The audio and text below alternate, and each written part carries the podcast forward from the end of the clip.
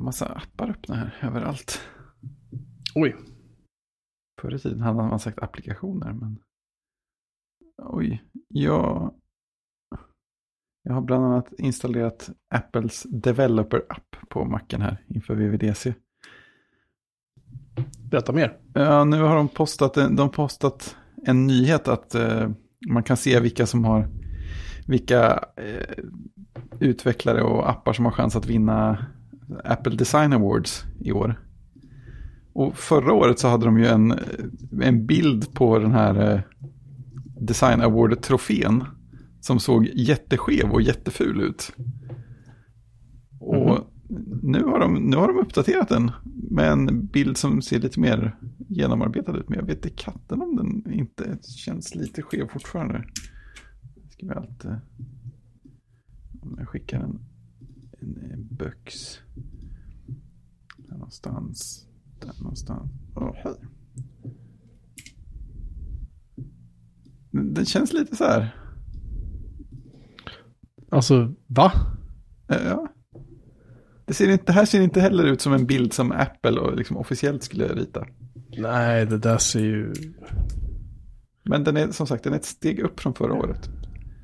Jag tyckte de där gamla fina liksom. Mm. Precis, den här är ju... Den har i alla fall eh, typ Philips Hue-belysning runt sig eller någonting. Ja, men skulle, den, ska, den ska vara en kub, för det Ja. första. Det ska inte vara annat än en kub.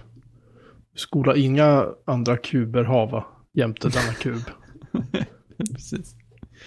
Så, så ligger det till.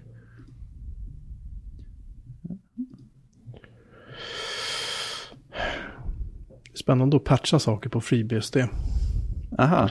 Man måste patchas? patcha operat operativsystem och applikationer separat. Inte som på typ CentOS där man bara så här, hej, uppdatera allting för helvete. Ja, Utan på FreeBSD är det så här, nu uppdaterar vi, laddar vi ner och patchar operativsystemet först. Okej, mm. vad fint.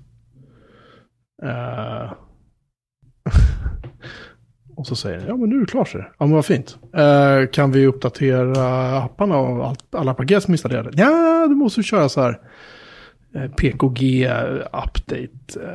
Eh, ett helt annat eh, kommando. Ja, och sen kör man PKG upgrade också efter det bara för att vara helt jävla säker på att du Just det. först uppdaterar du listan över liksom Just det. eh, över paket som du har installerat och så jämför den det med de som är redan installerade och sen när den har gjort det då säger den jo men eh, det finns paket här. Mm. Ja, kan du installera du dem? det? Ja, du var så jävla säker säker på det det sa du. Precis. Ska inte ha så jävla bråttom. Och då måste man säga åt den att uh, kan väl tanka hem dem där lite gulligt och installera dem också. Ja, Ja, det. för fan säger den då. Men det är lite som, eh, alltså Homebrew har man väl också lite sådana problem. Att det finns både update och upgrade, eh, update, upgrade-kommando eller något. Och man kommer aldrig ihåg vilket som är vilket eller vem som gör vad. Och så skriver man ett av dem och så gör den något lite oväntat så. Nej, det låter bekant. Ja, jag, jag försökte nämligen uppdatera OpenSSL på min jobbdator. Eh, och då, först så skrev jag någonting, upgrade eller så. Och bara den, typ uppdaterade allt annat. Jag hittade fyra andra paket att uppdatera och tuggade igenom allting och klagade på lite symlänkar och sånt där. Men den, men den la faktiskt inte in någon ny version av OpenSSL. Utan då fick man skriva ett annat kommando med typ explicit version eller någonting sånt där. Då, då kunde den uppdatera det. Eh, det, det är inte lätt detta. det låter som så här paket, uh, kaoset i när man kör Jekyll och, och Gem. Mm. Just det. Så installerar man, hittar man något så här schysst tema för Jekyll. Tänker, det där vill jag köra, gud vad roligt. Ja. Och sen är det så här, ja men du måste ha eh, det här, den här gemmen. Okej, då installerar vi den. Ja, du vet det är liksom lite fel version. Du har version 11.1.2. Du behöver version 11.1.1. Just det. Okej, ja, så här. Precis. Bundle, eller jag säger bara gem, add, bla bla bla, paket, streck streck, version och så anger man version explicit. Då till slut kanske man får, får patcha. Ja, det jobbigaste är att alla de andra kommandon man provar, de gör ju någonting också. Så det känns lite extra okontrollerat. Det var en sak om det bara blev så här fel och inte gjorde någonting. Nej, jag, jag, jag satt lite grann i helgen. Jag höll faktiskt på kräkas på Jekyll och på Uh, ja, Jekyll i synnerhet faktiskt. Jag tänkte att jag skulle göra om min blogg, för det gör jag ju lite då och då. Och tänkte så här Mm. att, eller min sajt, och så tänkte jag att men det vore kul om jag kunde ha alla inläggen så här löpande på första sidan med datum och så liksom. Och så började jag pilla i det temat jag hade och det slutade ju som det alltid slutar, att jag har sönder saker och ting. För att det här, det här var så här jättekonstigt kodat liksom.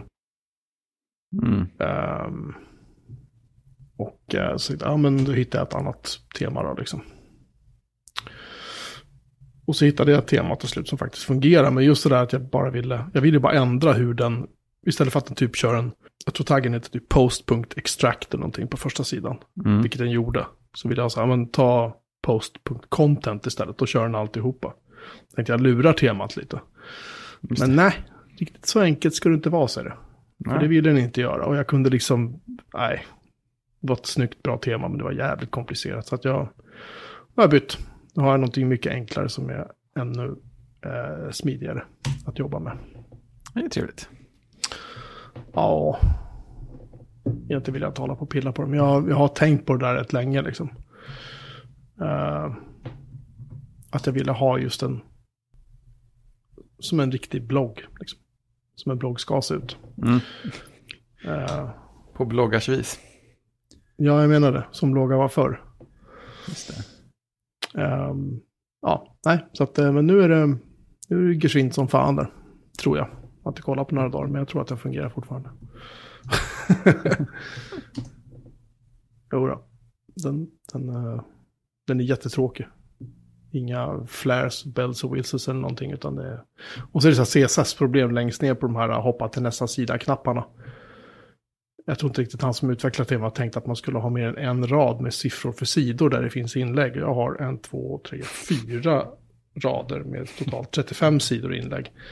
Och då ser det ut som skit. Jag väntar på att Christian och eller Fredrik ska lösa det här åt mig. Christian och eller Fredrik. Just det. Det var något med det. Marg margin bottom.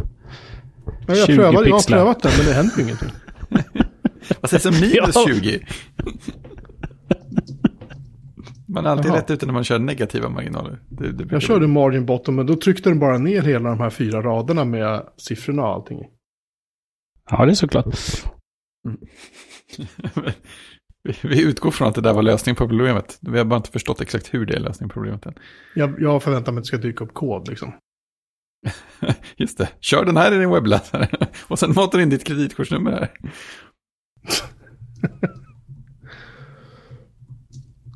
Nej, du får köra Explorer 11 tror jag. Ja, just det, då hade det funkat. Bara, bara skicka mig vad jag ska lägga in och var jag ska lägga in det. Så är jag väldigt tacksam. Jag gillar inte CSS. Det är många som tycker så. Ja, Kan vara lite komplext ibland. ja det, är inte, det är inte riktigt för, för mig. Känner jag. Nej, det, det är inte för mig heller. Ja, men ändå kan ju, så fort jag har någonting så kan jag ju ändå liksom lösa det åt mig. Och det tycker jag är väldigt, väldigt uppskattat och eh, jag tycker inte att det är uppskattat. Jag säger att det är uppskattat och jag tycker att det är imponerande. Eftersom jag har ändå pillat en del med den här skiten, jag lyckas aldrig riktigt få det att funka. Men det är väl en, en del av eh, skärmen och eländet med CSS också. Att det, det alltid går att skjuta in något extremt eh, snett från sidan som inte alls är meningen med något annat men som ändå funkar. Man sätter typ så här, man sätter så här important man exakt. i, i style.css. Det är så okej, då overrider du eventuellt annat som finns just för den här biten. Ja, Precis. men om det finns en important till då? Ja, Eller är det så här important important eller super important? Eller Ja. vad är nästa liksom? nej det finns inte. Im, important där finns ju inte. Men det är important, important på, den, ja, det, vad blir det? Blir väl den närm- det väl en kaskad som allt annat. Den närmaste important är den som vinner. Så har du en important på, på ett attribut på ett visst element, då gäller ju alltid det. här. Ja. Men om det finns Sen två important som krockar med varandra, är det den import som kommer först eller sist som gäller då? Eh, sist är det ju. Mm. Och då är man verkligen inte ute på, på roligt vatten. Då är man ute på den så kallade hala isen. Tunna isen Ja, men li-. Lite så, lite så. Ja. Nej, helvete CSS. Vad skönt när man uppdaterar FreeBSD så ska den uppdatera typ så här Nginx eller Apache eller någonting. Och så hittar den ju en befintlig konfigurationsfil. Det vill säga den jag har pillat i. Så säger den så här. Mm. You may, you may need to manually remove bla bla bla bla http.conf if it is no longer needed. Va? ja, det var ju ett otroligt bra uttalande. Que pasa? Visste du att du kan ta bort filer men, du inte behöver? Jo, men den behövs för att den... Och, och att det funkar sen, liksom. det är inte det. ja. Ehm, det har tydligen... eh, ni har beställt så här armband va? Till, eller armband, vad heter det? Jo, armband. Klockarmband. Jaha, vi har, vi har fått dem till och med. Ni har fått dem båda två också. Och vi, vi, eh, vi har överseende med att, att sololoop-armband är lite, inte lite fel till en Series 3. Men vi, vi hanterar det. Precis, vi, vi, vi hanterar det till skillnad från Apple som tycker att det inte alls stöds. De är ju... Eh, alla andra band eh, som eh, funkar ju både till... Eh, egentligen från CS1 tänker jag. Eh, och uppåt. Men just de här sololopparna är lite annorlunda i infästningen. Så det, det är någon, liksom, någon liten millimeter som diffar Mm. eh, eh, på infästningen där. Ja, det är lite fascinerande alltså för att... Alltså man undrar ju exakt hur det ser ut på de moderna klockorna. Ser, ser, alla, ser alla så att säga gamla band lite off ut på dem eller? För att det här ser man ju ändå när man tittar på det att ja, men det här är inte perfekt passform sådär som Apple brukar ha. Men det måste ju betyda, borde betyda att alla andra har lite dålig passform på series senaste. Eller? Mina herrar, jag har, jag, har en, jag har en parallell att göra åt er två. För att hjälpa er med alla dessa huvudbry. Ni vet historien om, om, om eh, mannen som satt fast på ett tak och så var det översvämning. Och så kommer en man förbi en robåt och säger hoppa ner i robåten, jag räddar dig. Nej, nej, nej, nej, nej. Gud räddar mig, säger han. Och sen kommer det eh, en, en helikopter och säger, men du, jag, jag hjälper dig, kom, hoppa in. Nej, nej, nej. Gud hjälper mig, säger han. Och sen drunknar han. Jag vet inte om det var en tredje som skulle hjälpa honom också. Men hur som helst, det var en, han drunknar och kommer upp till himlen och så säger han till Gud, ja men vad, vad håller du på med? Varför räddar du mig inte för? Och Gud säger, men alltså jag skickar en rodbåt, jag skickar en helikopter, vad fan håller du på med? Det här är Apples sätt att säga till er att ni ska köpa nya klockor.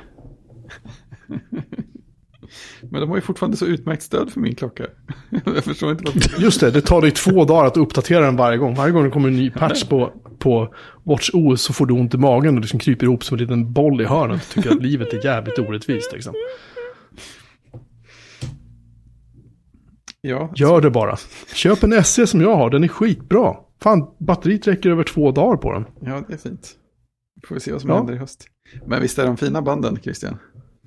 De är Försök jättefina band. byta ämne här nu. Jag, försöker, jag har vecka efter vecka nu försökt hjälpa, synnerhet dig Fredrik, men även dig Christian, att köpa nya klockor. Jag har gett argument på argument på och ni bara nej. Nu har jag köpt klockarmband som inte riktigt passar en klocka som ni har, som ni faktiskt tycker om. Alltså ni, ni, ni besudlar ju liksom armbandet med att ha en, en illa passande klocka. Vi tänker att eh, det är en investering i framtiden. För man hoppas ju då att eh, när man väl köper en ny klocka så passar det här armbandet.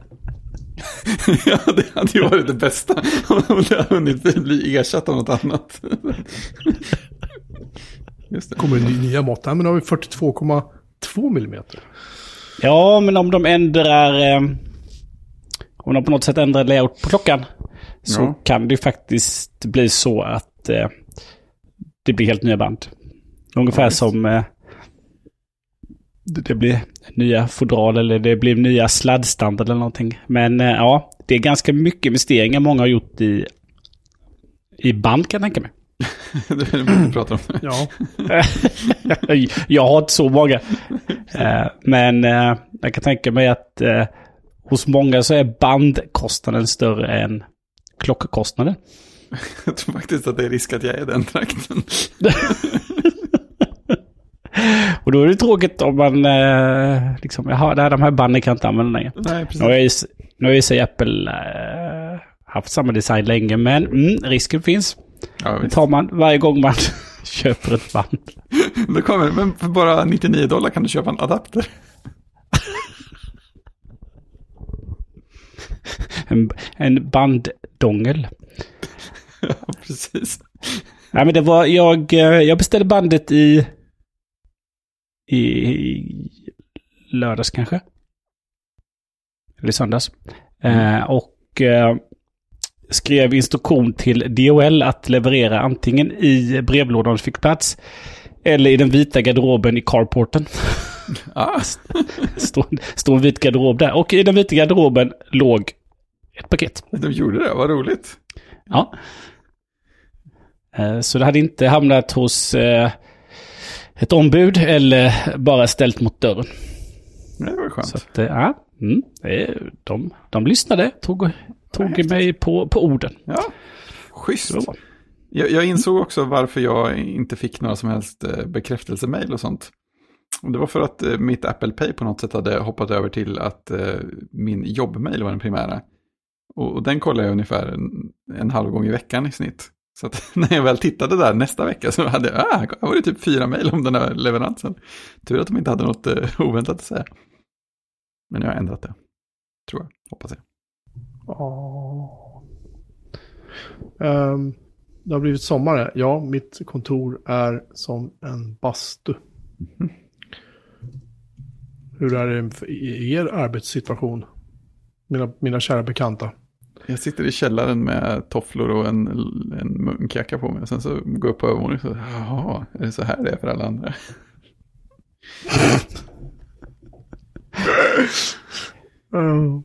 Jag har, eh, jag har återgått till kontorsarbete. Oj, helt? Ja, mm, idag, hel, idag halvdag. Och igår halvdag. Det låter som en lagom upptrappning ändå. Mm, ja, det vi är, eh, vad var vi idag?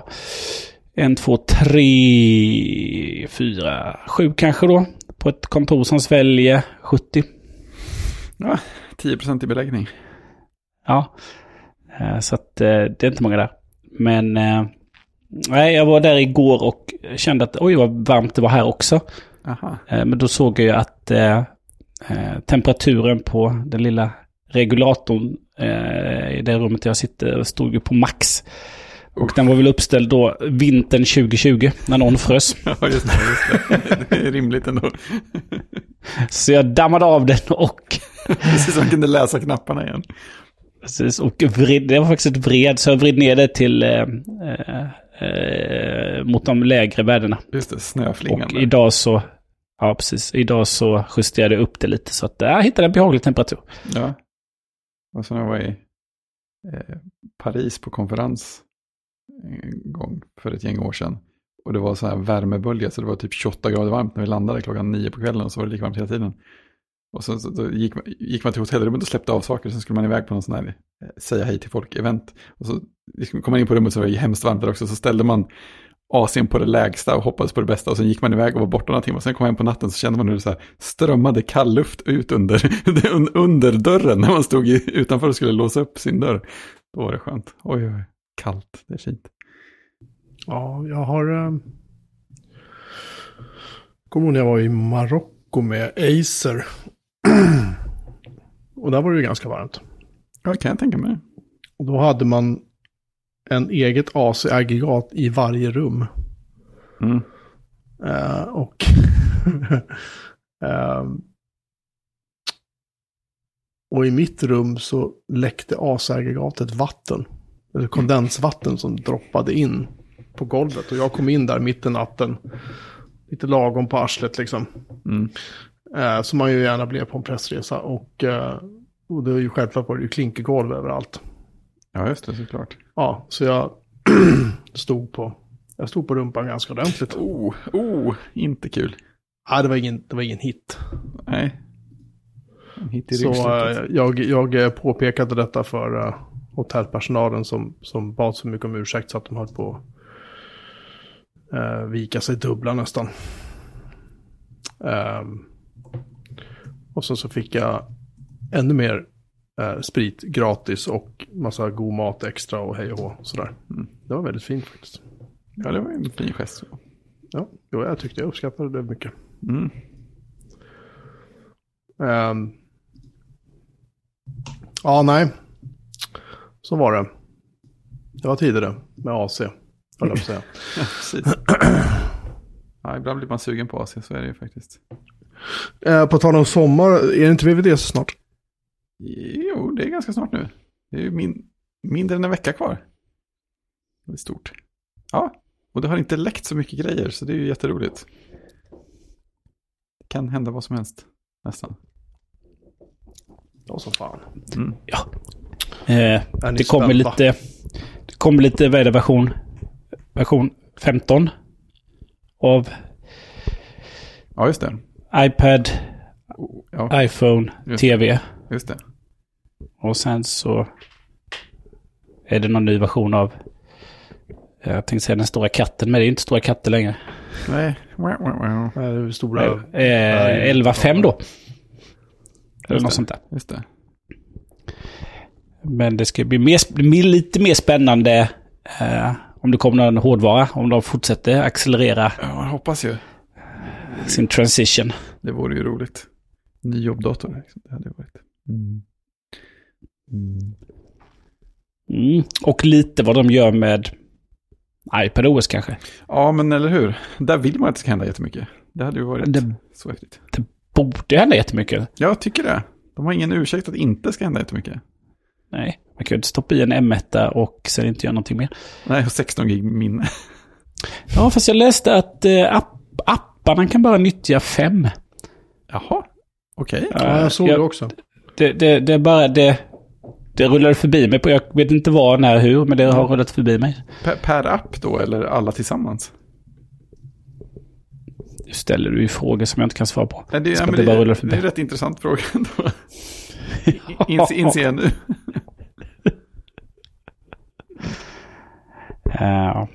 Mm, jag kan inte svara på den. Nej. Men däremot så, eh, 9 to 5 Mac har en liten trevlig, eh, en liten trevlig sammanställning av VVDC genom historien. Detta är det den 32 kanske? Totala konferensens.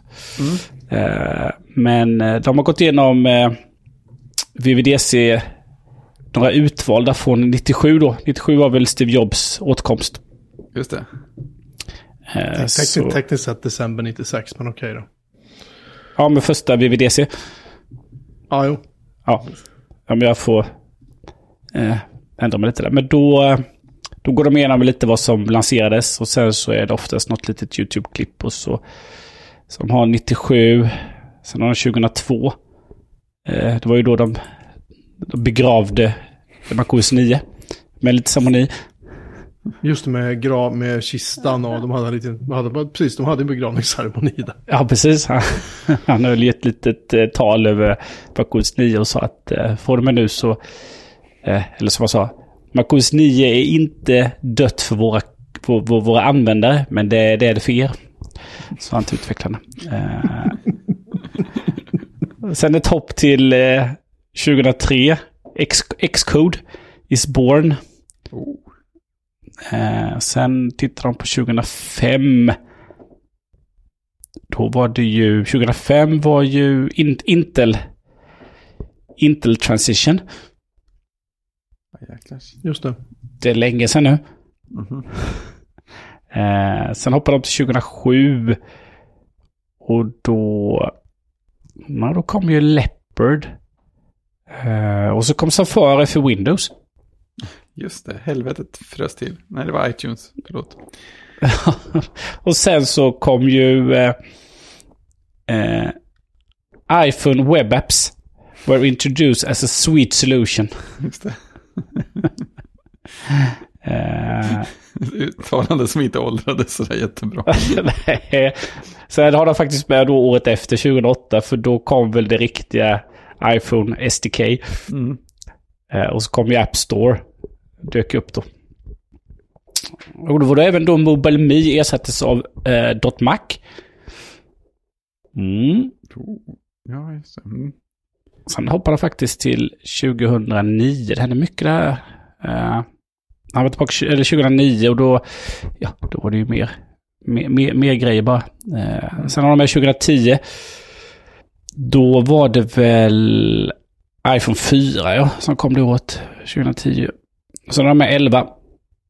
Och sen har de med, de är med 13 sen. Och sen har de med 14, 15, 19 och 20. Och nu är det dags för 21. Så där kan man se tillbaka på ett gäng. Japp. Så det ska, bli, ska väl bli spännande att eh, se. Bänka sig Tycker i soffan. Eller något. Precis. Men eh, när är det? Vad sa vi? Det är på Har måndag. datum på det? Nu på måndag, alltså Ja. nästa vecka helt enkelt. Japp, ja, japp. okej. Klockan sju på kvällen är det så. Gud vad spännande. Jag brukar alltid tänka fel en timme, men det brukar stå ganska tydligt över hela internet. Jag har alltid varit att klockan sex nämligen. Ja, jag tror att det är senare än sex. Tio på morgonen Pacific. Jag tror att det kommer att komma eh, mer hårdvara. Hoppas det. Och en tanke jag som slog mig när jag satt och lyssnade på senaste talkshow där de ondgjorde sig över att vi inte har Face ID i iMac och sådär. Mm.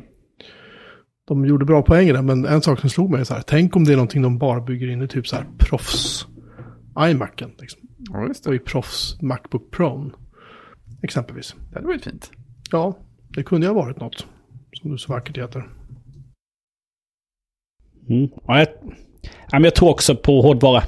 Det finns förväntningar på att det ska att det ska vara hårdvara. Även om det är en utvecklarkonferens för att det är ju de är ju mitt inne i övergången och eh, utvecklarna vill också ha snabbare, bättre datorer. Precis. Ja, jag skulle, bli, jag skulle tänka mig att de nog släpper en Mac Mini Pro som är så här rymdgrå. Och så kommer de släppa Macbook Pro och så kommer de släppa iMac Pro. Ja. Eller inte, kanske inte släppa de kommer, de kommer att presentera dem. De kanske inte kommer börja sälja dem ännu. Men Ja, just det. för jag tror att de har, de har så tydligt differentierat iMacen nu är så här, här har ni 24-tummaren med mätaren. Det är en konsumentprodukt. Den har trevliga färger och liksom, du vet, så här, lanseras med popmusik och hej och hå liksom. Det är konsumentversionen. Och sen har du det som kommer sen. Och den finns bara i 24 tum. Och det som kommer sen blir liksom större skärm, dyrare, mörkgrå, ser lite mer seriös och tung ut liksom så här. Med en M någonting annat. Precis. Och massa features och massa extra portar och mer minne och hej och hå liksom. Ja, jag, jag, fick en, jag, fick, jag fick en sån där bild. Eh, Man skulle kunna fantisera om vad det skulle se ut. Tänk, tänk att de visar upp eh, iMacen i en sån presentationsvideo. Och sen så är det en sån här panorering över baksidan. Och så, är det liksom, så kommer det så här bara port, port, port, port, port, port, port, port, port, port. Ja, det bara fortsätter liksom. Små USB-C som man tappar räkningen. Och så typ fyra stycken USB-A bara för att chocka folk ordentligt. Det kommer ju inte att hända, men tänk vad roligt det hade sett ut. Späckad med portar. Ja, man undrar ju om de kommer försöka göra något för att mer allmänt förbättra förbättra eh, hur, hur de ser ut i utvecklares ögon. Det känns som att all saker Apple har gjort på sistone har gett dem rätt mycket stryk sådär. Typ Mark Arment är ju jättetrött på Apple överhuvudtaget som i deras attityd till utvecklare. Men han... Ska inte han alltid ha någonting att gnälla på? Han har ju Ja, gnällt men- på Apple i fem år nu. Visst, har, han har en Ja. poäng. Absolut. Men jag tycker lite så här att han är så här, ja, ah, ni ska gå ner på knäna och kyssa oss. Det är så här, ja men alltså, det är så här, det är ingen som tvingar dig. Nej, men gre grejen är att jag, jag, jag har börjat följa några andra sådär lite mer eh, Apple, eh, men typ Stefan Trötter-Schmidt och eh, sådana där på Twitter. Och det känns som att det är, inte, det är, en, det är fler än Marco. Det, kan, det, det känns som att det är ganska mycket fler än Marco som har samma upplevelse, eller olika bitar av den. Eh, så det verkar som att det faktiskt är ganska många som, eh, som är rätt missnöjda och tycker att Apple har liksom, eh, gjort ett väldigt dåligt intryck. Det känns som att de inte alls Eh, att de har gett tydligt uttryck för att de inte alls eh, har vett att uppskatta utvecklare på deras plattformar. Så att, eh, jag, menar, jag kan ju lika gärna tänka mig att de ignorerar det totalt som att de försöker svara någonting på det på VVDC. Men det hade, varit, det hade ju inte skadat deras, deras image om de på något konstruktivt sätt svarade på det. Nej, men det lär de ju inte göra. Det, det vet vi ju att de inte kommer att göra. De kommer ju bara att låtsas om som ingenting har hänt och kolla hur mycket pengar vi har betalt till er och jada, jada, jada, liksom. Precis. Så det, det betvivlar jag nog. Vill jag inte att det kommer att bli. Men, men eh, däremot så kanske de kommer att linda in det i någonting. Eh, kommer någon tackfilm till, du vet. Ja, någon sån här- något något, något gulligt budskap till utvecklarna. Så att de känner att åh, nu blir det Mm. varmt och fluffigt igen. Liksom. Precis. Och sen går de hem och kollar bankkonto och tänker att ja, vänta nu lite grann. Kanske inte var så jävla kul ändå. Jag vet inte. Precis. Ehm, men när Mark Arment öppnar munnen så kan jag känna ibland att det blir lite för mycket. Ja, det är roligt med det. känns som att det har kommit en liten ny nivå av Marco Rant på det. Det, det har liksom blivit lite mer lössläppt kan jag känna. Det är roligt. Ja, så är det ju. Men jag kan väl, jag kan väl lite sådär känna liksom att, att eh, du har Android där borta liksom. Det är bara att lära Java och sätta igång. Så. Jo, men det är inte det man vill åt. Nej, nej, det är ju klart det inte är. Men, men, eh, jag menar, om jag fattar det så är det så att Play Store som Google driver, den har ju mycket av de features som Armen tror jag efterlyser liksom. Finns ju faktiskt där. Ja, men det finns väl en del av dem. Så, jag vet inte. Nej, men det har man ju Google istället, så det är väl det valet man har gjort. Ja, det vill man ju inte heller hålla Nej, på lite så. Så är det. Så är det ju definitivt. Ja, nej, det blir kul. Jag kommer titta på keynoten som vanligt och State of the Union dagen efter någon gång. Den brukar komma lite för sent på kvällen för att jag ska orka sitta uppe. Kan man väl kolla dagen efteråt va? Ja, precis. Som lite godis. Så. Ja, jag menar det.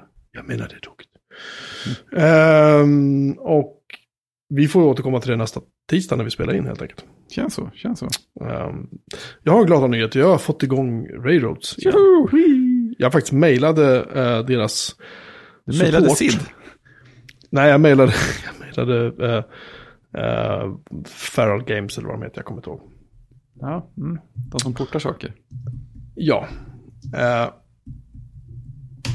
och eh, bara förklarat. Så här är det, ser ni. Så, att, så här ligger landet. Och då sa de att jag fick inte bara, jag skulle inte bara radera applikationen, jag skulle gå in i libraries-katalogen för min användare och ta bort alla preferences-filer och allting. Och sen installera om spelet igen och då hoppar det faktiskt igång. 17 kan Ja. det bero på. Eh, bra fråga. Sparar Intel-kompilerad kod i library-mappen. Alltså grejen är att jag tittar ju på, på eh, alltså, programfilen, eller applikationsfilen för spelet. Och det är ju en Intel-applikation. Den är ju inte eh, anpassad för ARM alls. Ah, just det, så det är inte ens det man kan skylla på nu.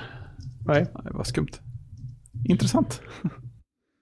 Ja, jag tyckte också det. Eh, men nu funkar skiten, så nu bryr jag mig inte. Nej, det är bra. Kan man bara spela Railroad så är det mesta räddat. Ja, men jag behöver det liksom. Det är, det är bra för min mentala hälsa att spela lite Railroad ibland kan jag känna. Ja, exakt. faktiskt. Ehm, eh, hur som haver. Ja. Sen har vi, har vi eh, glada nyheter från, från eh, vår kalkstensö Gotland. Allas vår kalksten. Vår favorit Allas vår kalkstensö. kalkstensö. Ja. Eh, det är nämligen så att den 5 juni, så att det här kommer att hända eh, efter att ni hör det här, om ni lyssnar. Eh, när det här avsnittet precis har kommit ut. Den 5 juni, mellan klockan 17.00 och midnatt cirka, så pågår en, en, ett event. Eh, typ som ett demoparty från 80-90-talet. Som heter Forndata. Och det här heter Forndata Summer 2021. Och där kommer då direkt från Visby. Ni vet, på Nice. Gotland. Mm. Eh, och i år så är det då helt digitalt förstås. På grund av eh, eh, corona, covid-viruset. Men, och det kommer självklart att presenteras demos, musik, spelprogrammering, konst, eh, nyutvecklat kommer att visas där. Så det kommer att vara demotävling och allting.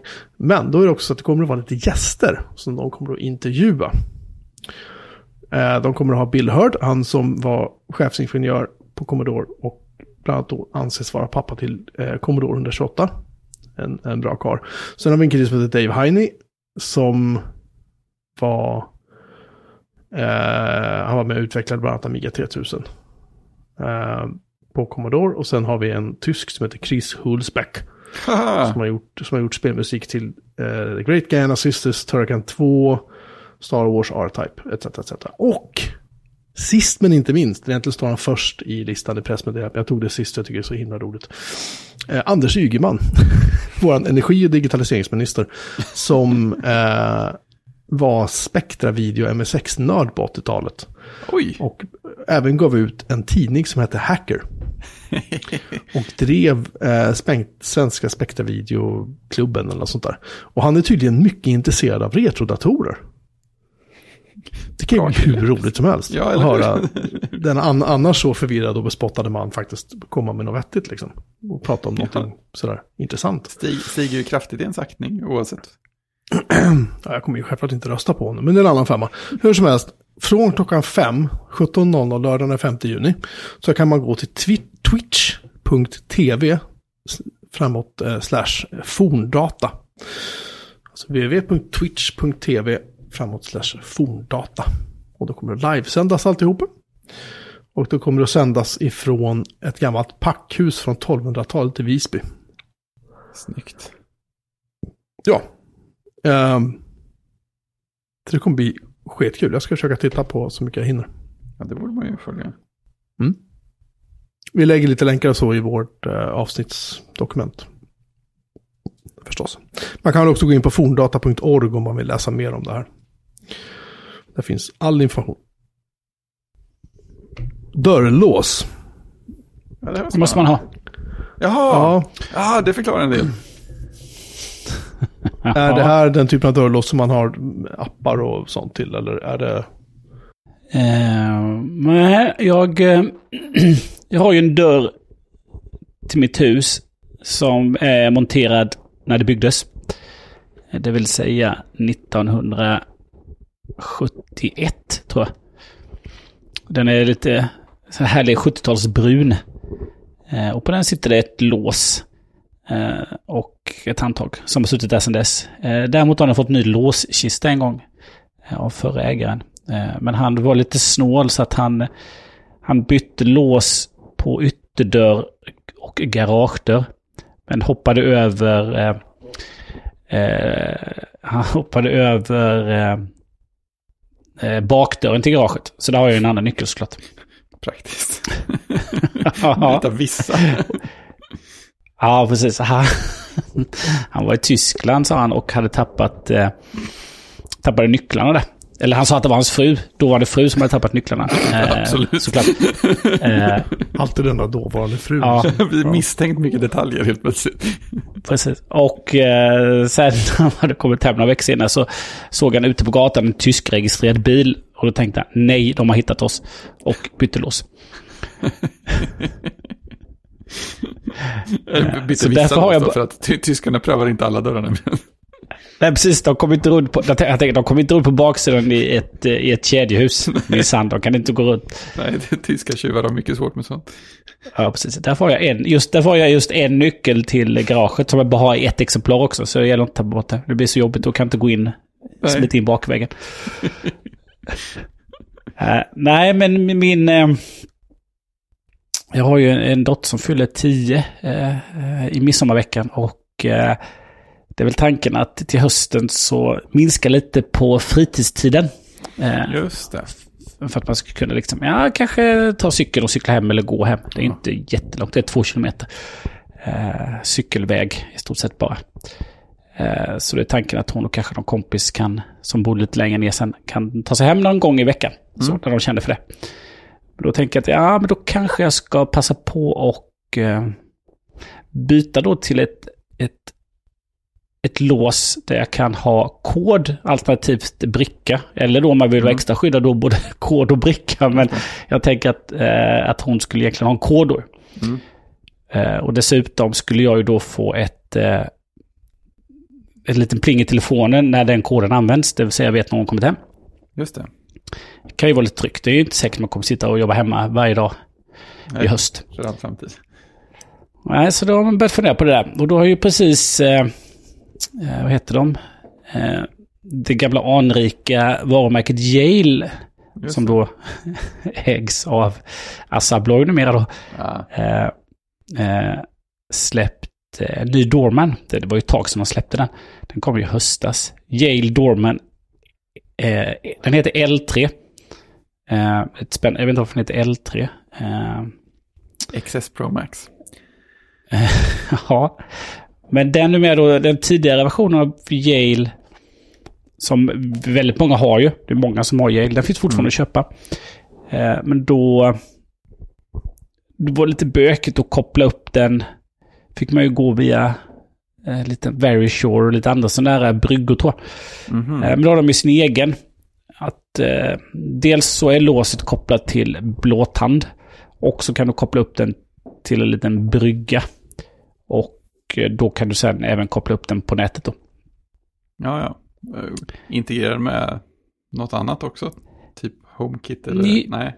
Ja, det ska väl komma. Jag tror inte de är där än, utan de är väl på kanske de andra. Eh, Alexa och Google kanske. Jag är lite osäker på det. Men jag tror inte den finns eh, på HomeKit ännu i alla fall. Men att det ska komma. Mm.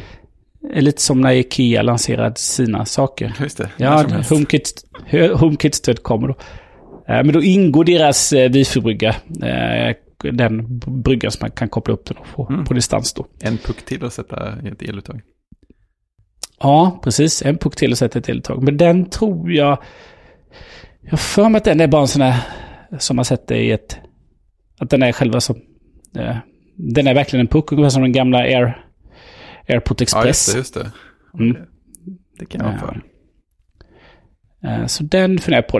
Det ligger lite dyrare. Det gamla låset säljs ju fortfarande då. Så att såklart de passar på att ta lite mer betalt då. Ja, ja, just det. Och det gamla, då, då måste man ha något av de där stora larmfolkens system för att kunna koppla in det. det eller få Ja, ja. Jag tror du. Nej, du kan köra det utan och du kan väl ha någon sån liten brygga och du behöver inte ha larmtjänsterna tror jag inte faktiskt. Nej, okej. Eh, Däremot så vet jag inte hur det är med sådana här tillfälliga koder och sådär. Om man då måste abonnera på olika Ja, just det. Men abonnemang. det här Ja, det är liksom helt fristående. Ja, det är helt fristående. Sen, sen skulle det inte förvåna om du kan fortsatt Nej. koppla upp det till, eh, till larmtjänster. Nej, det kan man ju säkert. Eh, Det är jag för dålig på. Ja. Eh, Men det gamla har de döpt om till Classic. Det är fint. Betyder lite äldre. Ja, precis. Det hette, väl, det hette väl V2 innan. Nu heter det Classic. Jag Det är som, Classic classic. det är som, ja, det är som när Volvo pensionerar bilar. Ja, precis. Jag, för- jag, det var precis det jag tänkte på. Då kommer den här fullsmetade modellen som alla helt plötsligt vill köpa. Ja, precis. Sen året efter så kommer ut en helt ny kaross med så här allt lull, eller en helt ny modell liksom. Ja, men så var det. En sidospår den Volvo, såklart. Nu gör vi Classic-varianten av V70. Då plockar de ju bort... Eh, då plockade man ju bort den lägsta nivån.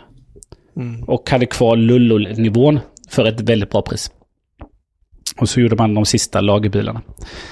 Såklart. Ja, men det funderar jag på. Jag tror nog det... mm, Det kostar väl 5 000 omkring, där omkring tror jag. Strax över. Man känner det är nog en bra investering. Är de jättesvåra att få installerade eller hur funkar sånt egentligen? att, att få installera det tror jag inte är så svårt. Då tror jag du ber... du, du går till en sån här eh, återförsäljare som även har sådana tjänster och säger att hej, jag vill få det installerat. Och säger ja, det gör vi gärna. Eh, däremot så tror jag du, det är hyfsat lätt att installera själv. Alltså det är det? Mm. Ja, utan det följer med instruktioner och eh, ska nog gå rätt bra.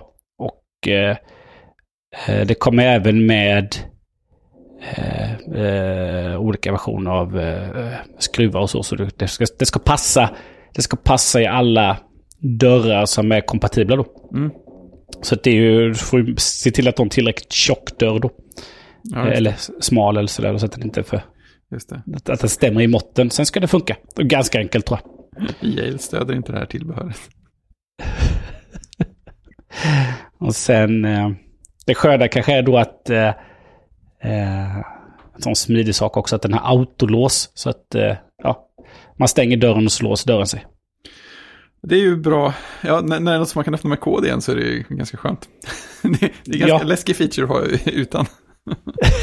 ja, när man har nyckel så är det inte bra. Nej, jag, Men jag bo- tänker att, jag bodde i en lägenhet som var sån, det var läskigt. aj, aj.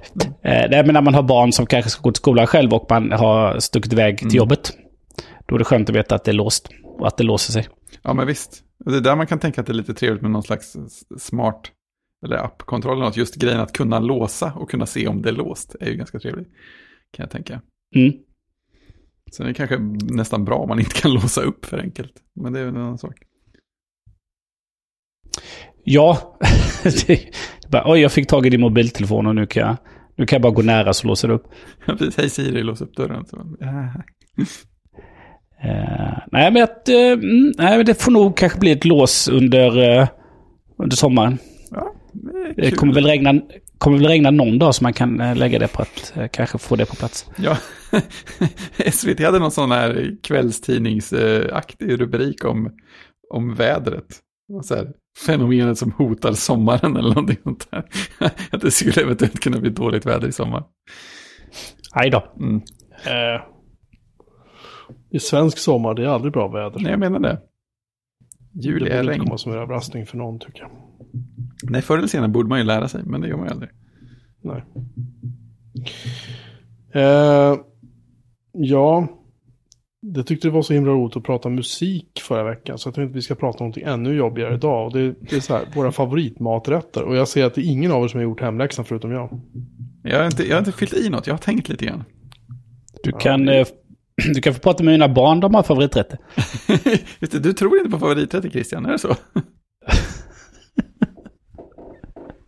Eh, Jocke, en av dina favoriträtter är också min tioårings favoriträtt. Oj. Det är svårt, jag gissar på köttbullar. Rätt. Fast eh, hon vill hellre ha, istället för kokt potatis vill hon ha potatismos. Ja, okej, ja. ja, men om man ska ta min favorit sån här favoriträtt på barnmatsnivå så är det ju lätt eh, ste, stekt falukorv och snabbmakaroner och ketchup. Det är fantastiskt. Bara... Vil, vilket, vilket märke av falukorv? Jag har ju blivit allt mer agnostisk med tiden. Eh, så att nu är det väl bara inte den billigaste. Förr var det väl alltid Scan, vill jag minnas, när jag var liten alltså. När det Mm. faktiskt räknades på allvar, då var det Scan. Men nu vet du bättre. Ja, men nu dyker det upp sådana här icke-kanoniska falukorvar med hög kötthalt och från sådana här lokala ställen och sånt. Då, då, så de är ju jättegoda. Så det är svårt, det är svårt att liksom invända mot dem. Det är bra. Okej. Men om du ska prata om dina favoriträtter nu då? Ja, alltså, Alltså, som, en, som en hyfsat vuxen människa liksom. vuxnast hittills i alla fall. Så, så kan vi säga. Eh, alltså, jag, jag har ju väldigt svårt att säga nej till en riktigt bra hamburgare. Det är ju fantastiskt om man ska börja i den mer snabba skalan. Det är ju grymt bra. Sen så tycker jag ju en bra eh, boeuf bourguignon-aktig rätt. Långkokt kött med massa röv, rödvinsinkok och sånt där runt omkring. Och ett riktigt, riktigt, riktigt bra mos. Eller nästan vad som helst som är riktigt bra till det också. Det ligger högt upp i alla fall, det måste jag säga. Okej. Alltså ni är inte så entusiastiska så jag vet inte vad jag ska ta mig till. Men jag står ju och funderar, man blir ju hungrig samtidigt också. Mm. Okej. Christian Sås, Ås menar jag. Eh, Grev av Grevsjö. Kan du, har du några favoriträtter? Eh, Jag skulle säga, jag, jag, var- det var jag på att säga allt som jag själv inte lagar. Ja, just det. Eh, Det är, ett, det är ett bra svar ändå tycker jag. Det, det var ett bra svar. Man blir ganska trött på att jag lagar mat. Eh, jag lagar mat till mig själv. Och sen när barnen är här så lagar jag mat till mig och barnen. Och eh, sen så lagar jag mat till mig själv. Och så går det runt. Eh, som att ingen annan lagar mat i det här hushållet. Så att eh, när man plötsligt får äta någon annans mat så är det lite trevligt. Eh, däremot så är ju min, min mamma, min mor inte någon, någon mästerkock. Eh, så att eh, det, den kanske är lite blek. Mm. Däremot min mormor, hon, eh, hon lagar bra mat. Mm. Eh, däremot är hon ju en... Följer hon ju recept ganska slaviskt. Mm. Och har nästan alltid gjort. Men, men det blir väldigt, väldigt gott. Så att... Men de har ju inte fått träffa henne på väldigt, väldigt länge. Så att, och tyvärr har hon ju blivit äldre då också under pandemin. Så att vi får se hur länge hon orkar laga mat. Men eh, under hela min uppväxt så var det ju alltid... Eh, det var ju alltid farsdag och morsdag och sådär hos mormor och så lite däremellan. Alltid god mat. Och hon hade ju oftast... Eh, det var ju oftast, det, var- det var köttbullar, det var pannbiff, det var är kåldolmar. Mm. Eh, eller något, något härligt med fisk. Men oftast, Hade de, oftast typ gelé, hade de så här gelé på ett litet fat också? Ja, men såklart de hade gelé. Och, salt, och saltgurka liksom. Ja, eller någon annan sån ättiksgurka som man har Ja. lagt in då. Mm. Oh ja. Mm. Ja, det är bra. Eh, Och, knäck, och knäckebröd. nej, knäck, nej, hon har alltid haft eh, eh, sina egenbakade frallor. Funkar det också. Eh, och de bästa är ju de som hon hade lite, lite flingsad på då. Eh, istället för solrosfrön. Ser. Så det var bäst om hon hade bakat dem när hon inte då fuskade och tog fram en, liksom en, en färdig ICA-baguette. Ja, just det. Utan hon eh, hade bakat, nej, hon hade bakat sitt bröd också. Nej, eh, fint. Eh, Lite dill kanske på potatisen så det ibland beror på vad det var för något. Ja, mm, alltid, alltid bra mat hos mormor. Och eftersom att jag inte är sådär, jag gillar ju mat helt enkelt och gillar att äta. inte Så att, då, är man ju alltid, då är man ju alltid uppskattad när man kommer dit. Ja, alltså det var så otroligt. Det var samma sak eh, hemma hos eh, farmor och farfar. farmor gjorde mat, mat i samma, samma, samma stil och alltid så här mat som jag som var liten gillade jättemycket också. Så det var då, då gick man hem. Ja, det enda som... eh, Det enda som jag, har, som jag inte åt då, men som jag kanske börjat äta då nu på, i mitt vuxna jag då, är ju då de kokta morötterna då. Ja, just det. De var man ju Eh. ett stort fan av. Nej, de var inget stort fan av. Så att, eh, men det, det kan man vara nu då. Mm. Eh, Men eh, annars kan man väl tänka sig, om man tänker på favorit, alltså det, det mesta är ju gott, det är svårt att säga någon favorit. Det, man kan tycka någon jättegod, jättegott ur det japanska köket, något jättegott amerikanska. Alltså det finns ju allt. Det finns ju sådana top notch överallt, men eh, sen när man kommer tillbaka det där som men vilken maträtt tröttar man aldrig på? Vilken något som alltid, alltid återkommer? Och här är det nästan alltid, ja men spaghetti och köttfärssås är en sån. Ja. Precis som din makaron och falukorv. Ja men det där, det där, det där funkar alltid och man tröttnar nästan aldrig på det. Även om det dyker upp var 14 dag. Ja men jag gör spagetti och köttfärssås. Mm. Jag skulle kunna äta spaghetti carbonara rätt ofta, känner jag. Varje gång vi äter Ja, det. det är gott. Det är vansinnigt gott. Med bra Eh. bacon. Ja, På det ämnet så... Den här barnens mamma, när vi bodde ihop och hon jobbade i Stockholm, eh, tisdag till torsdag. Så...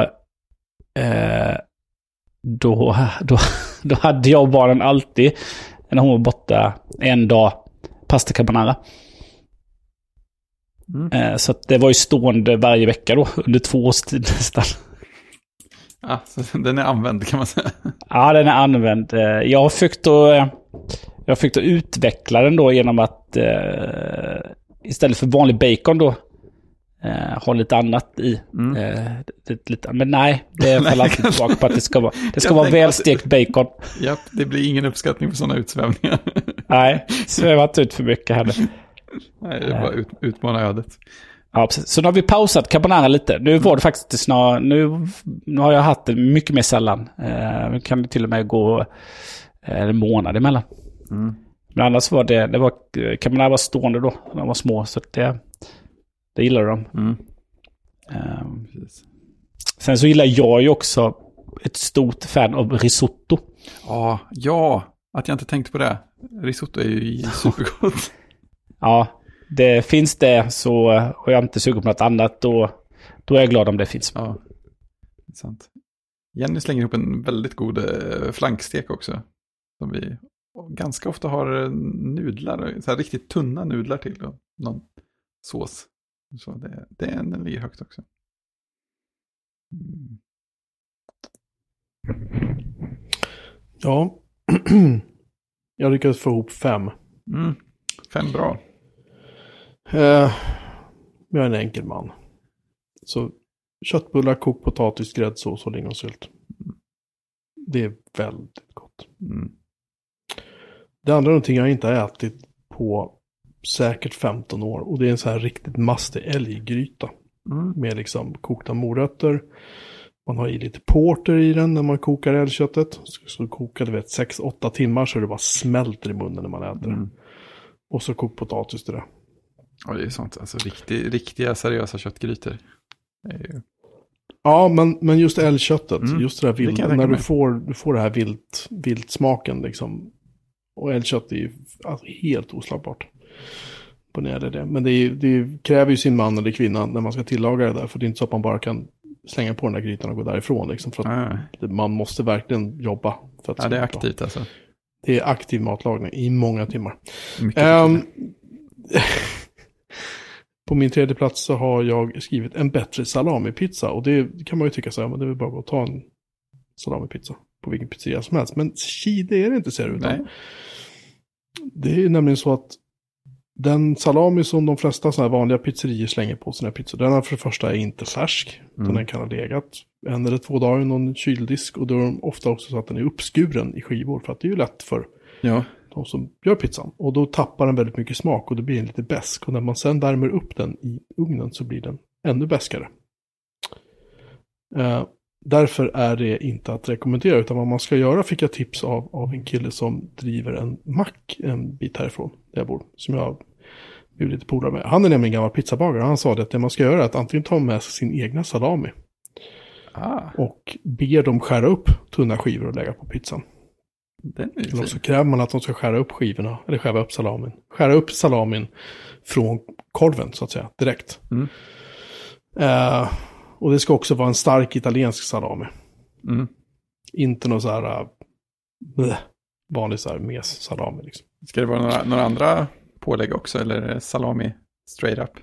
Alltså jag kan tycka att salamipizza är väldigt gott, men sen kan jag också tycka att man kan ha grön paprika på.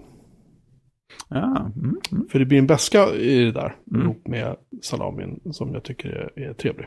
mm. Eh, på min fjärde plats eh, har jag skrivit lammfärsbiffar. Mm. Också där med kokt potatis och eh, någon trevlig sås till. Och kanske någon sallad till med lite fetaost och lite sådär. Purjolök och Mm, lite allt mm. möjligt i. Så. Eh, och på femte plats någonting vi alltid har ätit på nyårsafton i det här huset. Ehm, eh, och det är jordärtskockssoppa. Mm. Med ugnsrostad bacon och vitlöksbröd som tilltugg. Alternativt så kan man ha kalljäst bröd med så här tapenad. Tapenader heter det så. Ja, just det, just det. Som man smetar på det här brödet och äter då ihop med soppan. Och den här ugnsrostade baconen, den gör man på en plåt i ugnen på papper. Mm. Och sen så bryter man bara sönder och har ner den i soppan. Ja, just det, är riktigt. Snuskigt gott. Ja. Ja. ja, alltså jag har ätit någon vansinnigt god jordärtskockssoppa någon gång också. Det är ju grymt. Var, var köttbullar etta då? Eller är jordärtskockssoppan etta? Nej, alltså det, här- det här är inte någon rangordning. Nej, utan det här är bara liksom, Då det här är bara, eh, eh, så att säga, bara en, en, en sammanställning av de fem utan någon inbördes Mm. beundran. Eller beordning, menar jag. Ja. Matlistan för inbördes beundran. Oh. Um, ja, men det var mina så här, fem som jag, Ja. när jag klurade lite. Vilken är, vilken är din favoritpizza Christian? Min favoritpizza? Ja. Eller så här solida valet eller någonting. Oavsett hur du vill. hur du vill eh, definiera eller besvara frågan. Eh, nej, men om man ska ta en, sån här... Eh,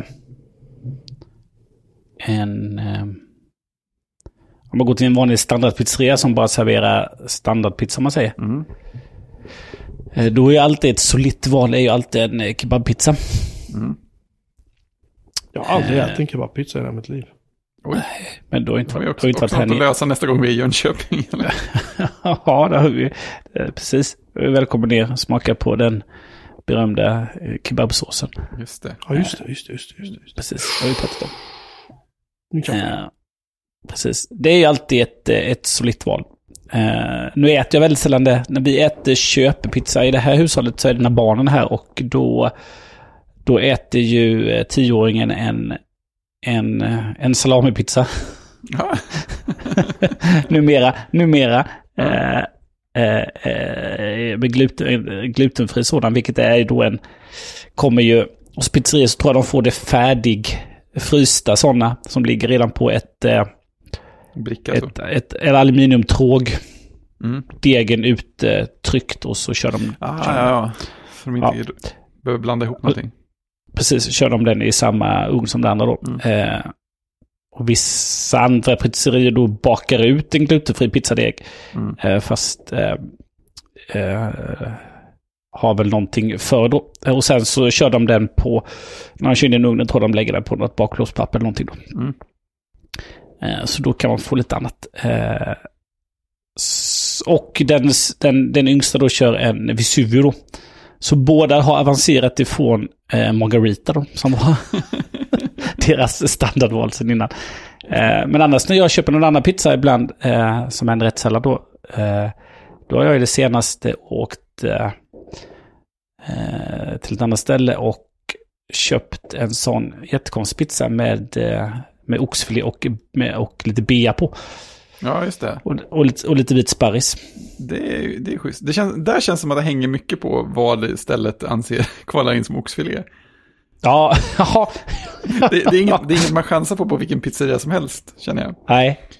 Nej. Ja, men den, eh, den kostar lite mer då. Mm. Och eh, man blir rejält mätt. Så att det måste vara en sån där eh, fredag, kanske när man har varit och tränat. Ja, just det. Just det. Om man inte har barnen. Och man, oj, nej, jag lagar mat nu. Nej. Eh, nej, men jag svänger förbi och tar med mig den här pizzan hem då. Ja, det är bra. Det är bra. Skulle jag säga. Men sen som du Fredrik, en, alltså en god hamburgare är ju aldrig fel. Nej, Ja, men det, får jag bara bryta in lite? Jag, jag uppskattar också en jättegod hamburgare. Jag har ätit många goda hamburgare i mitt liv. Men jag tycker att det, det, hela den här hamburgerhypen har gått lite överstyr. men det har den ju. För de blir fan ta mig bara större och större. Och det är mer och mer. De lassar på 800 skivor ost på den. Och det ska bara drypa fett. Det, liksom, det, det blir så... Det blir för mycket på något vis. Jag vet inte vad det är. Ja, men det är för mycket och för, för, många ställen också. Men Ja. ja nej, det, det, det är dags att det liksom svänger över till något annat som får fokus ett tag. Men en god hamburgare är väldigt fin. Jag, jag tror att min sådär favoritpizza man ska ta som bland standardpizzor också är, ju, är nog capricciosa ändå. Det känns som det funkar alltid. Och den, den föräter jag mig inte på heller. Jag, jag, jag menar, ibland kan jag ju falla för att ta någon sån här jättemastig kebabpizza eller något, men då brukar jag ju äta tills jag ångrar mig lite grann efteråt. Risken är inte lika stor med capricciosa, det tycker jag, tycker jag är bra. Får jag, får jag bara slå ett slag för Vesuvio? Absolut. Det, det, det, det är så här standardpizzan. Den, den, är, den är som att köra en Volvo 240. Liksom. Det upprör inte någon. Men man vet vad man får. Fast ändå inte. För att en Vesuvio kan ju smaka på jättemånga olika sätt. Eller hur? Mm. Ehm, jag brukar alltid säga det att eh, det bästa sättet att testa en ny pizza, det har jag säkert sagt till er redan, men det bästa sättet att testa en ny pizzeria, förlåt, är att beställa Vesuvio första gången man går dit. För om de lyckas, om de, så, så här, om de misslyckas med Vesuvio, då kan de inte göra pizza överhuvudtaget. Nej, då är det lite kört. Uh, fixar de, är Vesuvion bra? Om den inte dryper av fett, skinkan är, är liksom eh, strimlad, inte klippt med en sax, liksom, i fyrkanter, som var väldigt poppis ett tag. På vissa mindre räknade pizzerior. Ja men du vet, har de strött ut det bra? Är det, är det liksom lagom mycket ost? Du ska Ja, liksom inte behöva hälla av. Ja, det ska vara, precis, det ska inte vara någon jävla B-ost, det ska vara bra ost liksom. Men framförallt också just att det ska liksom inte vara, du ska inte behöva hälla av fettet Nej, innan precis. du äter den. Den ska inte vara svettig helt enkelt. Nej. Kan de göra en bra Vesuvio, då tycker jag då finns, då finns det potential för att de kan göra andra pizzor bra också. Ja, Men den regeln har jag följt. Ja, i Vesuvio många finns, år nu. ing- finns inget att gömma sig bakom så. Nej, för det är så jävla enkelt liksom. Det de kan misslyckas med är skinkan ofräsch, i- och osten dålig. Eller tomatsåsen om den är liksom dålig. Mm. Om den smakar beskt. Smakar den gammalt, sunkigt eller är den liksom fräsch? Den ska vara lite söt. Det ska, det ska helst, jag tror till och med att de brukar ha lite socker i det ibland. Ja, det tror jag. Och det gör mig ingenting. Liksom så. Ehm, men det är just det där att gör de den bra, då kan de nog göra de andra, flesta andra pizzor bra också. Fuckar de upp den, då är det bara att gå. Precis. liksom. Om man ska vara krass. Vältalat. Tack, tack, tack. Ehm, nu blir jag hungrig igen bara för det. Inte lätt. vi, vi har lite film och tv att avhandla tror jag. Tackar. Ehm, vi har ju diskuterat Handmaid's Tale tidigare. Ehm, och det här är ju då säsong fyra. Jag tror att Christian och jag ligger väl typ par när det gäller nu hur- vilka avsnitt vi har sett.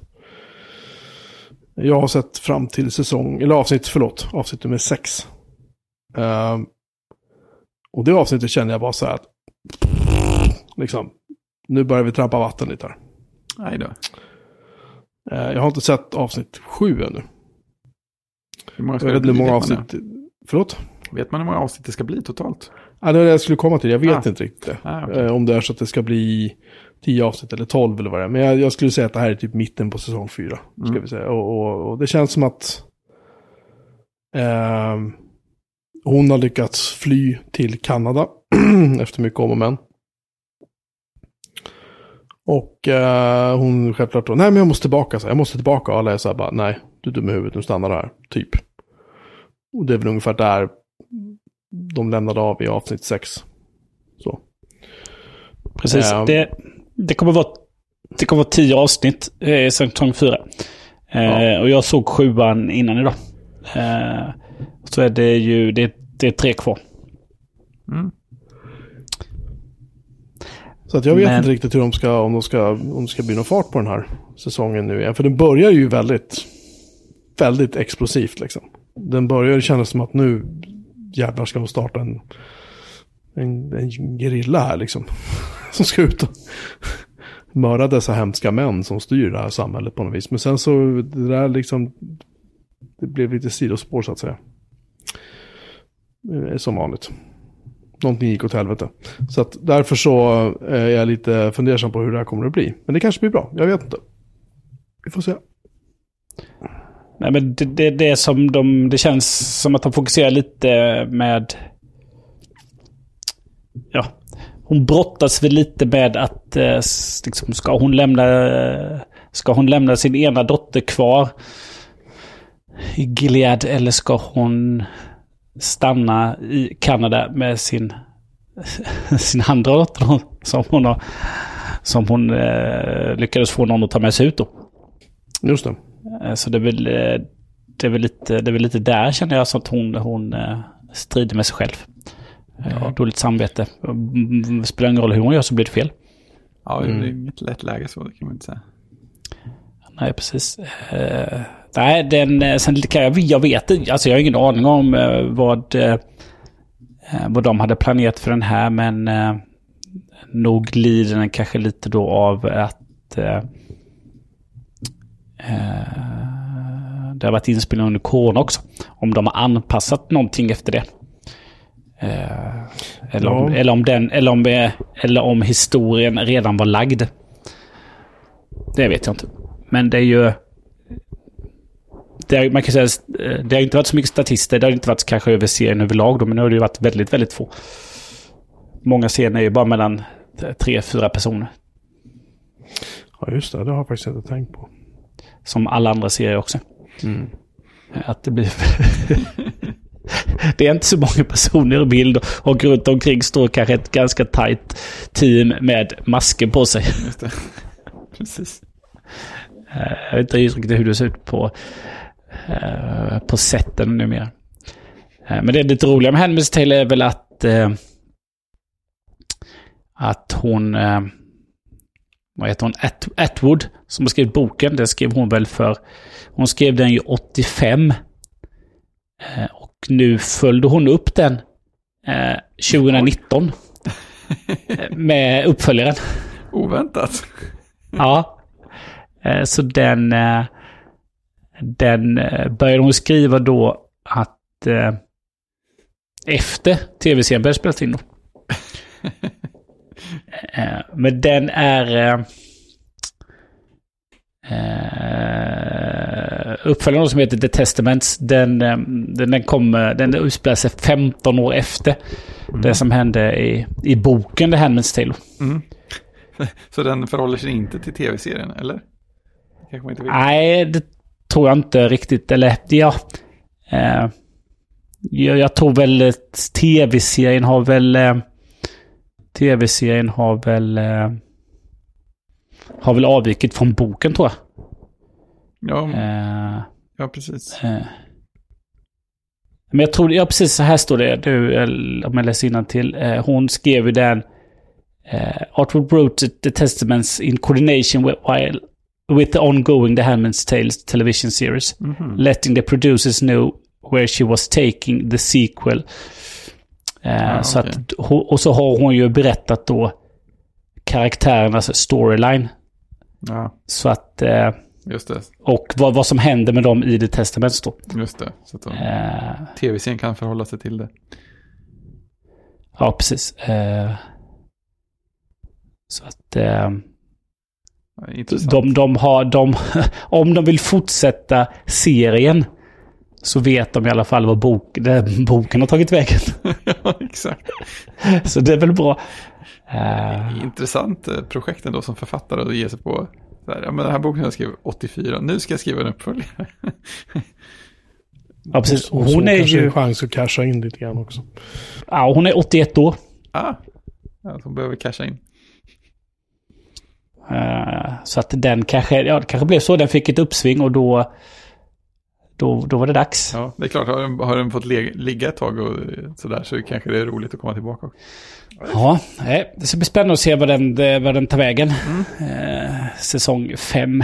Jag antar att det blir säsong 5 av den. Ja, just det. Ja, jag blir det det? Jag är inte så jävla säker. Måste, Faktiskt. måste allt ha så många säsonger? Nej, men det är det jag kände. Men det jag, jag, har alltid, jag har sagt det förut, men det jag uppskattade så mycket med Mad Men när den gick. De sa från början, där är sex säsonger. Punkt. Sa han som skapade den, Matthew Weiner eller vad han heter, jag kommer inte ihåg.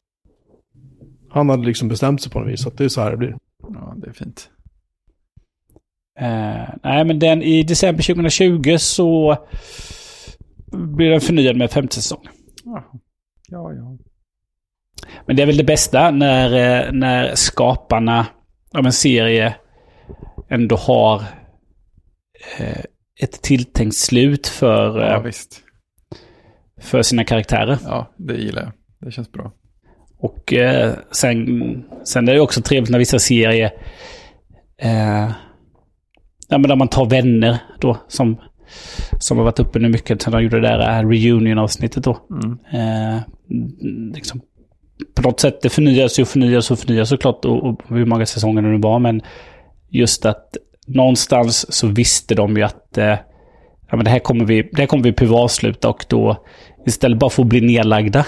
Så, nej men nu gick det inget bra längre så nu blir det ingen mer säsong och så bara slutade mitt i. Så, så liksom, ja men det här fick vi chansen att göra en sista säsong och bestämma hur, var karaktärerna tar vägen. Ja, Och få fint. ett avslut då. Då blir det ju också bra. det blir det. Eh, så det, var, det, det är bra. Det är inte roligt när de bara slutar. Nej. Nej, gör ett avslut. Mm. Titta på dig Snowpiercer. dags, det är dags att avsluta. Det kan vara i alla fall. Eller visa att de har en plan. Bara en fråga. ehm, ehm, vad heter den? Baby Yoda, vad heter den nu igen? Mandalorian. Mandalorian, den, den kommer med en ny säsong. Det var nästa år va? Ja, så kan det nog vara. För det skulle komma en Boba Fett-serie nu i Ja, just det. Höst, slags... vinter. Min son frågade mig idag nu, men jag Ja. så här, eh, jag vet inte. Fick jag skamligt nog erkänna. Ja, Boba Fett skulle vara som någon slags spin-off-serie va? Ja. Och det tycker, han tycker det ska bli skithäftigt. Liksom Mm, sådär. mm. Men... eh, jag vet inte. Jag försökte förklara för honom att det kan bli lite för mycket av det goda också. Men nej, han är inte riktigt med på det tåget. Nej, Han har inte åldern inne för att vara cynisk. Nej, nej. Nej, är bara mer, mer av ja, allt. ja, precis. Det är samma sak med, vi pratade om det förut med, med Mandalorian, liksom. Om Skywalker tog eh, lilla, vad han hette, Grogu. Grogu, Elof eller på så här. Lilla Grogu och gick iväg. Och det är så här, okej, men då har, då har du ju två storylines nu. Då har du Mandalorian i ena änden och så har du ju eh, Grogu och Skywalker i andra änden. Mm. Och hur ska de landa det här? då? Ska det bli två serier eller ska det bli så här, ska de springa på varandra lite här var i universum ibland? Det är inte så att Skywalker behöver hjälp med att skydda Grogu liksom, från Mandalorian, utan Mandalorian kanske behöver hjälp av Grogu. Eller, jag vet inte. Ja, på, på Incomparable föreslog de ju att de gör det eh, så här eh, vad heter det, dagiskomediserien It's Grogu.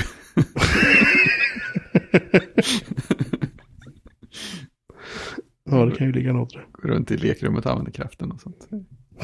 kan bli Jo, fantastiskt. ihop med de andra jedi-barnen. Ja, men precis. Kastar ut den. Grogu.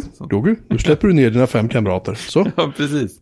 och stoppa tillbaka inälvorna. Skärpning. Ja, det nej, nej, de ska vara inuti.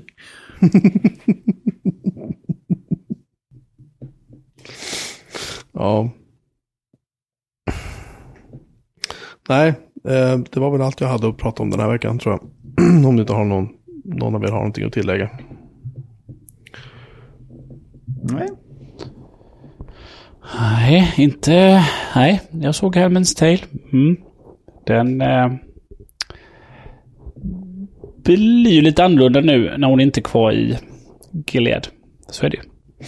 Ja, det blir spännande att se hur de... Eh, vad de fokuserar på. ja, för jag kan känna på något sätt att om hennes första dotter hade varit så viktig för storyn så hade den kanske, hade hon kanske varit med lite mer. Den, hon, hon har ju varit med så här, något avsnitt i säsong två eller tre tror jag. Och sen var hon med nu i något avsnitt i säsong fyra. Som ju som sagt började ju explosivt bra, tycker jag. Eh, vi har fått reda på att hon, eh, Sorina, vad hon heter, Joy eller vad hon kallas för. Eh, att hon var på smällen helt plötsligt, vilket jag inte får ihop för fem öre. Vem hon ska ha gjort barn med. Eh, Tack på att hon och hennes man är ju inte direkt goda vänner, om man säger så. Eh, det finns ju lite grejer att, att nysta upp och reda ut och sådär, men Mm. Men angående hennes dotter där i den eh, i uppföljarboken som är 15 år efter då, då eh, då, eh, då är hon med som en, en huvudkaraktär. mhm, Precis. intressant. Så att där har de plockat och så har de plockat upp även den andra dottern. Som jag förstår det. Så att mm, döttrarna är med i uppföljaren. Det är ju jävligt intressant. Mm. Tycker jag. Ehm, ja, Ja. jag ska kolla avsnitt sju så får vi återvända till denna diskussion nästa vecka kanske. Sen eh, går vi väl in i en, eh, går man in i en lågperiod nu av tv-serier. Nu är det sommar. Eh, Men- Just det, fan det måste jag ju, för jag tänkte lågperiodserie, då tänkte jag säga, ja men då typ börjar de sända Poirot. Så kom jag ju faktiskt på att jag har läst klart den här boken som vi pratade om förra veckan, Poirot and Me, Ah, av David eh, Su- Suchet. mm. Den var jättetrevlig.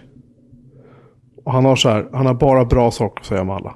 Han är så snäll, han är så trevlig. Och han är så så här, hon var underbar och han var fantastisk och hej och hopp, upp och så här. Och det är så här, han, någon, någonstans där då och då så lyckas han undslippa att ja, det här avsnittet kanske inte var min favorit. Så.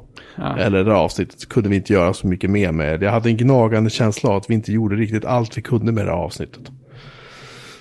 Uh, vilket han upprörande nog säger bland annat om ett av mina favoritavsnitt som är The Hollow som jag har nämnt några gånger tidigare. Ja. Säsong 9 tror jag det Mm.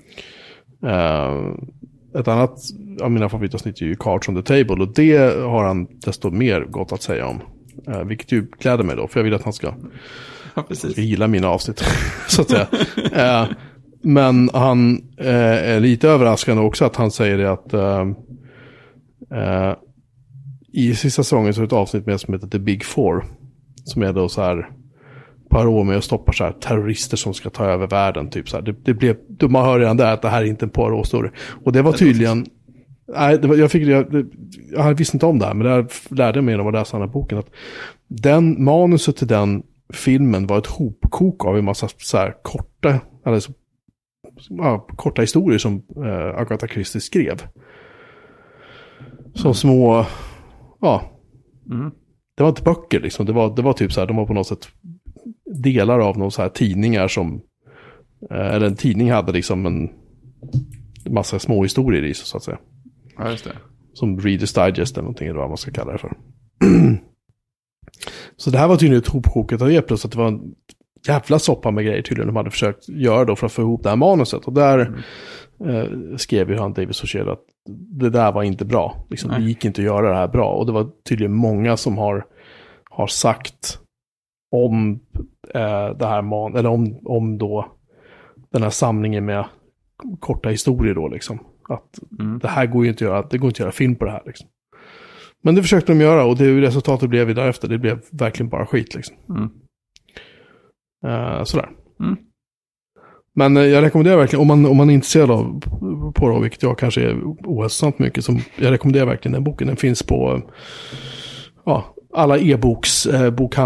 Jag köpte den via Apples och den tror jag kostar så här 40 kronor eller någonting. Jag minns inte. Så det, var- det var värt, värt varenda öre.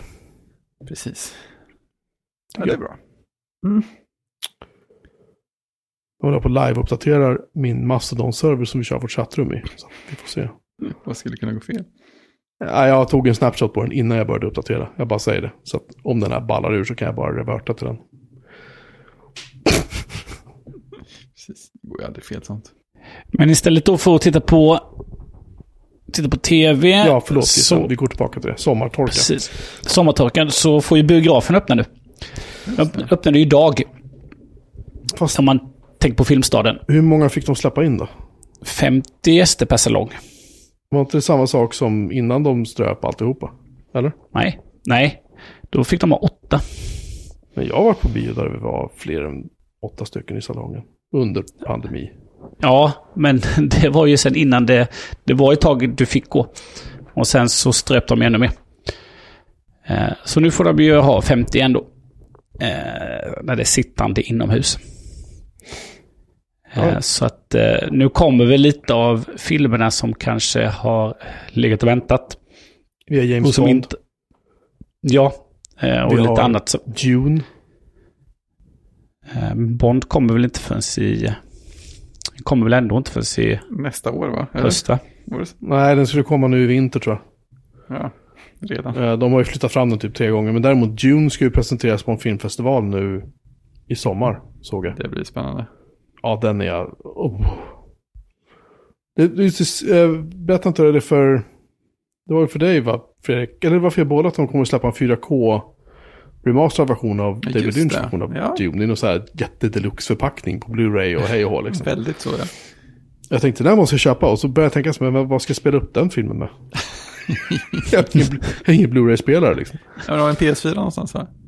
Ja, den, är, den har ju brunnit upp så att. Ja, just det. Det var ju det också. Jag försökte starta den här dagen, den bara piper ilsket på mig och så händer ingenting. Nej. Mm. Så jag tänkte att, ja, skit det. Precis, your loss. Their Ja. loss. Alltså jag tror det blir bra. Det blir bra. Nu blir det, nu blir det uppåt för bion. Jag tror det finns ett- Vad skulle det annars bli? Jag tror det är ett uppdämt behov. Ja, det kan jag ju tänka mig. Men eh, när ska vi ses då? Vi borde ju kunna sammanstråla i Jönköping tycker jag. Hyfsat snart. Ja, eller hur? Det borde gå Mm. att lösa. Ta, tar du det med Tegnell? Man får träffa personer utanför sitt hushåll. Ja, just det. Men ni är ju som en del av mitt hushåll. Vi pratar hela tiden. Exakt. Det är det vi löser det med. Jag pratar mer med, jag pratar mer med er än vad jag gör med min fru. Så att jag menar, det, är så här, det borde ju räknas. vi, vi har en eh, dryga 500 timmar konversationer här som visar att vi är ganska familjära. Hur, men är det fortfarande, är det fortfarande så här begräns på hur många timmar man får åka och sådär? Eller är det borta? Nej, det är borta för länge sedan. Ja, gött. Men då kan jag ju Kan du åka Hoppa in jättelångsamt i min- till Jönköping? hoppa in i min tysk släd och blåsa ner liksom. Så kan vi... Ja, då hinner du långt. Även om det hade varit den där eh, tre timmars gränsen så hade du hunnit långt. Ja, det klarar på två timmar. Exakt. Då hade du bara blåst förbi över ett halvvägs till Göteborg. Helvete, vad fan är bromsen? Precis. Motorväg. Nej, men jag tycker vi kanske borde ta och börja surra lite grann om det. För det vore rätt kul att Det är sant. Åka ner och dricka lite alkohol och äta kebabpizza. Och eh, Det är mycket mat vi ska hinna med känner jag. vi ska äta mycket mat, vi ska dricka mycket och vi ska spela in poddavsnitt och eh, kollapsa på Christians balkong. Eller han är hans trädäck, förlåt, den här gången. Just det. Så får det bli. Det är uppgraderat sen sist. Japp. Oh. Ja, men jag har ju sett bilder. Oh ja. Nu botar jag om Ja, det är bra. Mastodon-servern, jag bara säger det.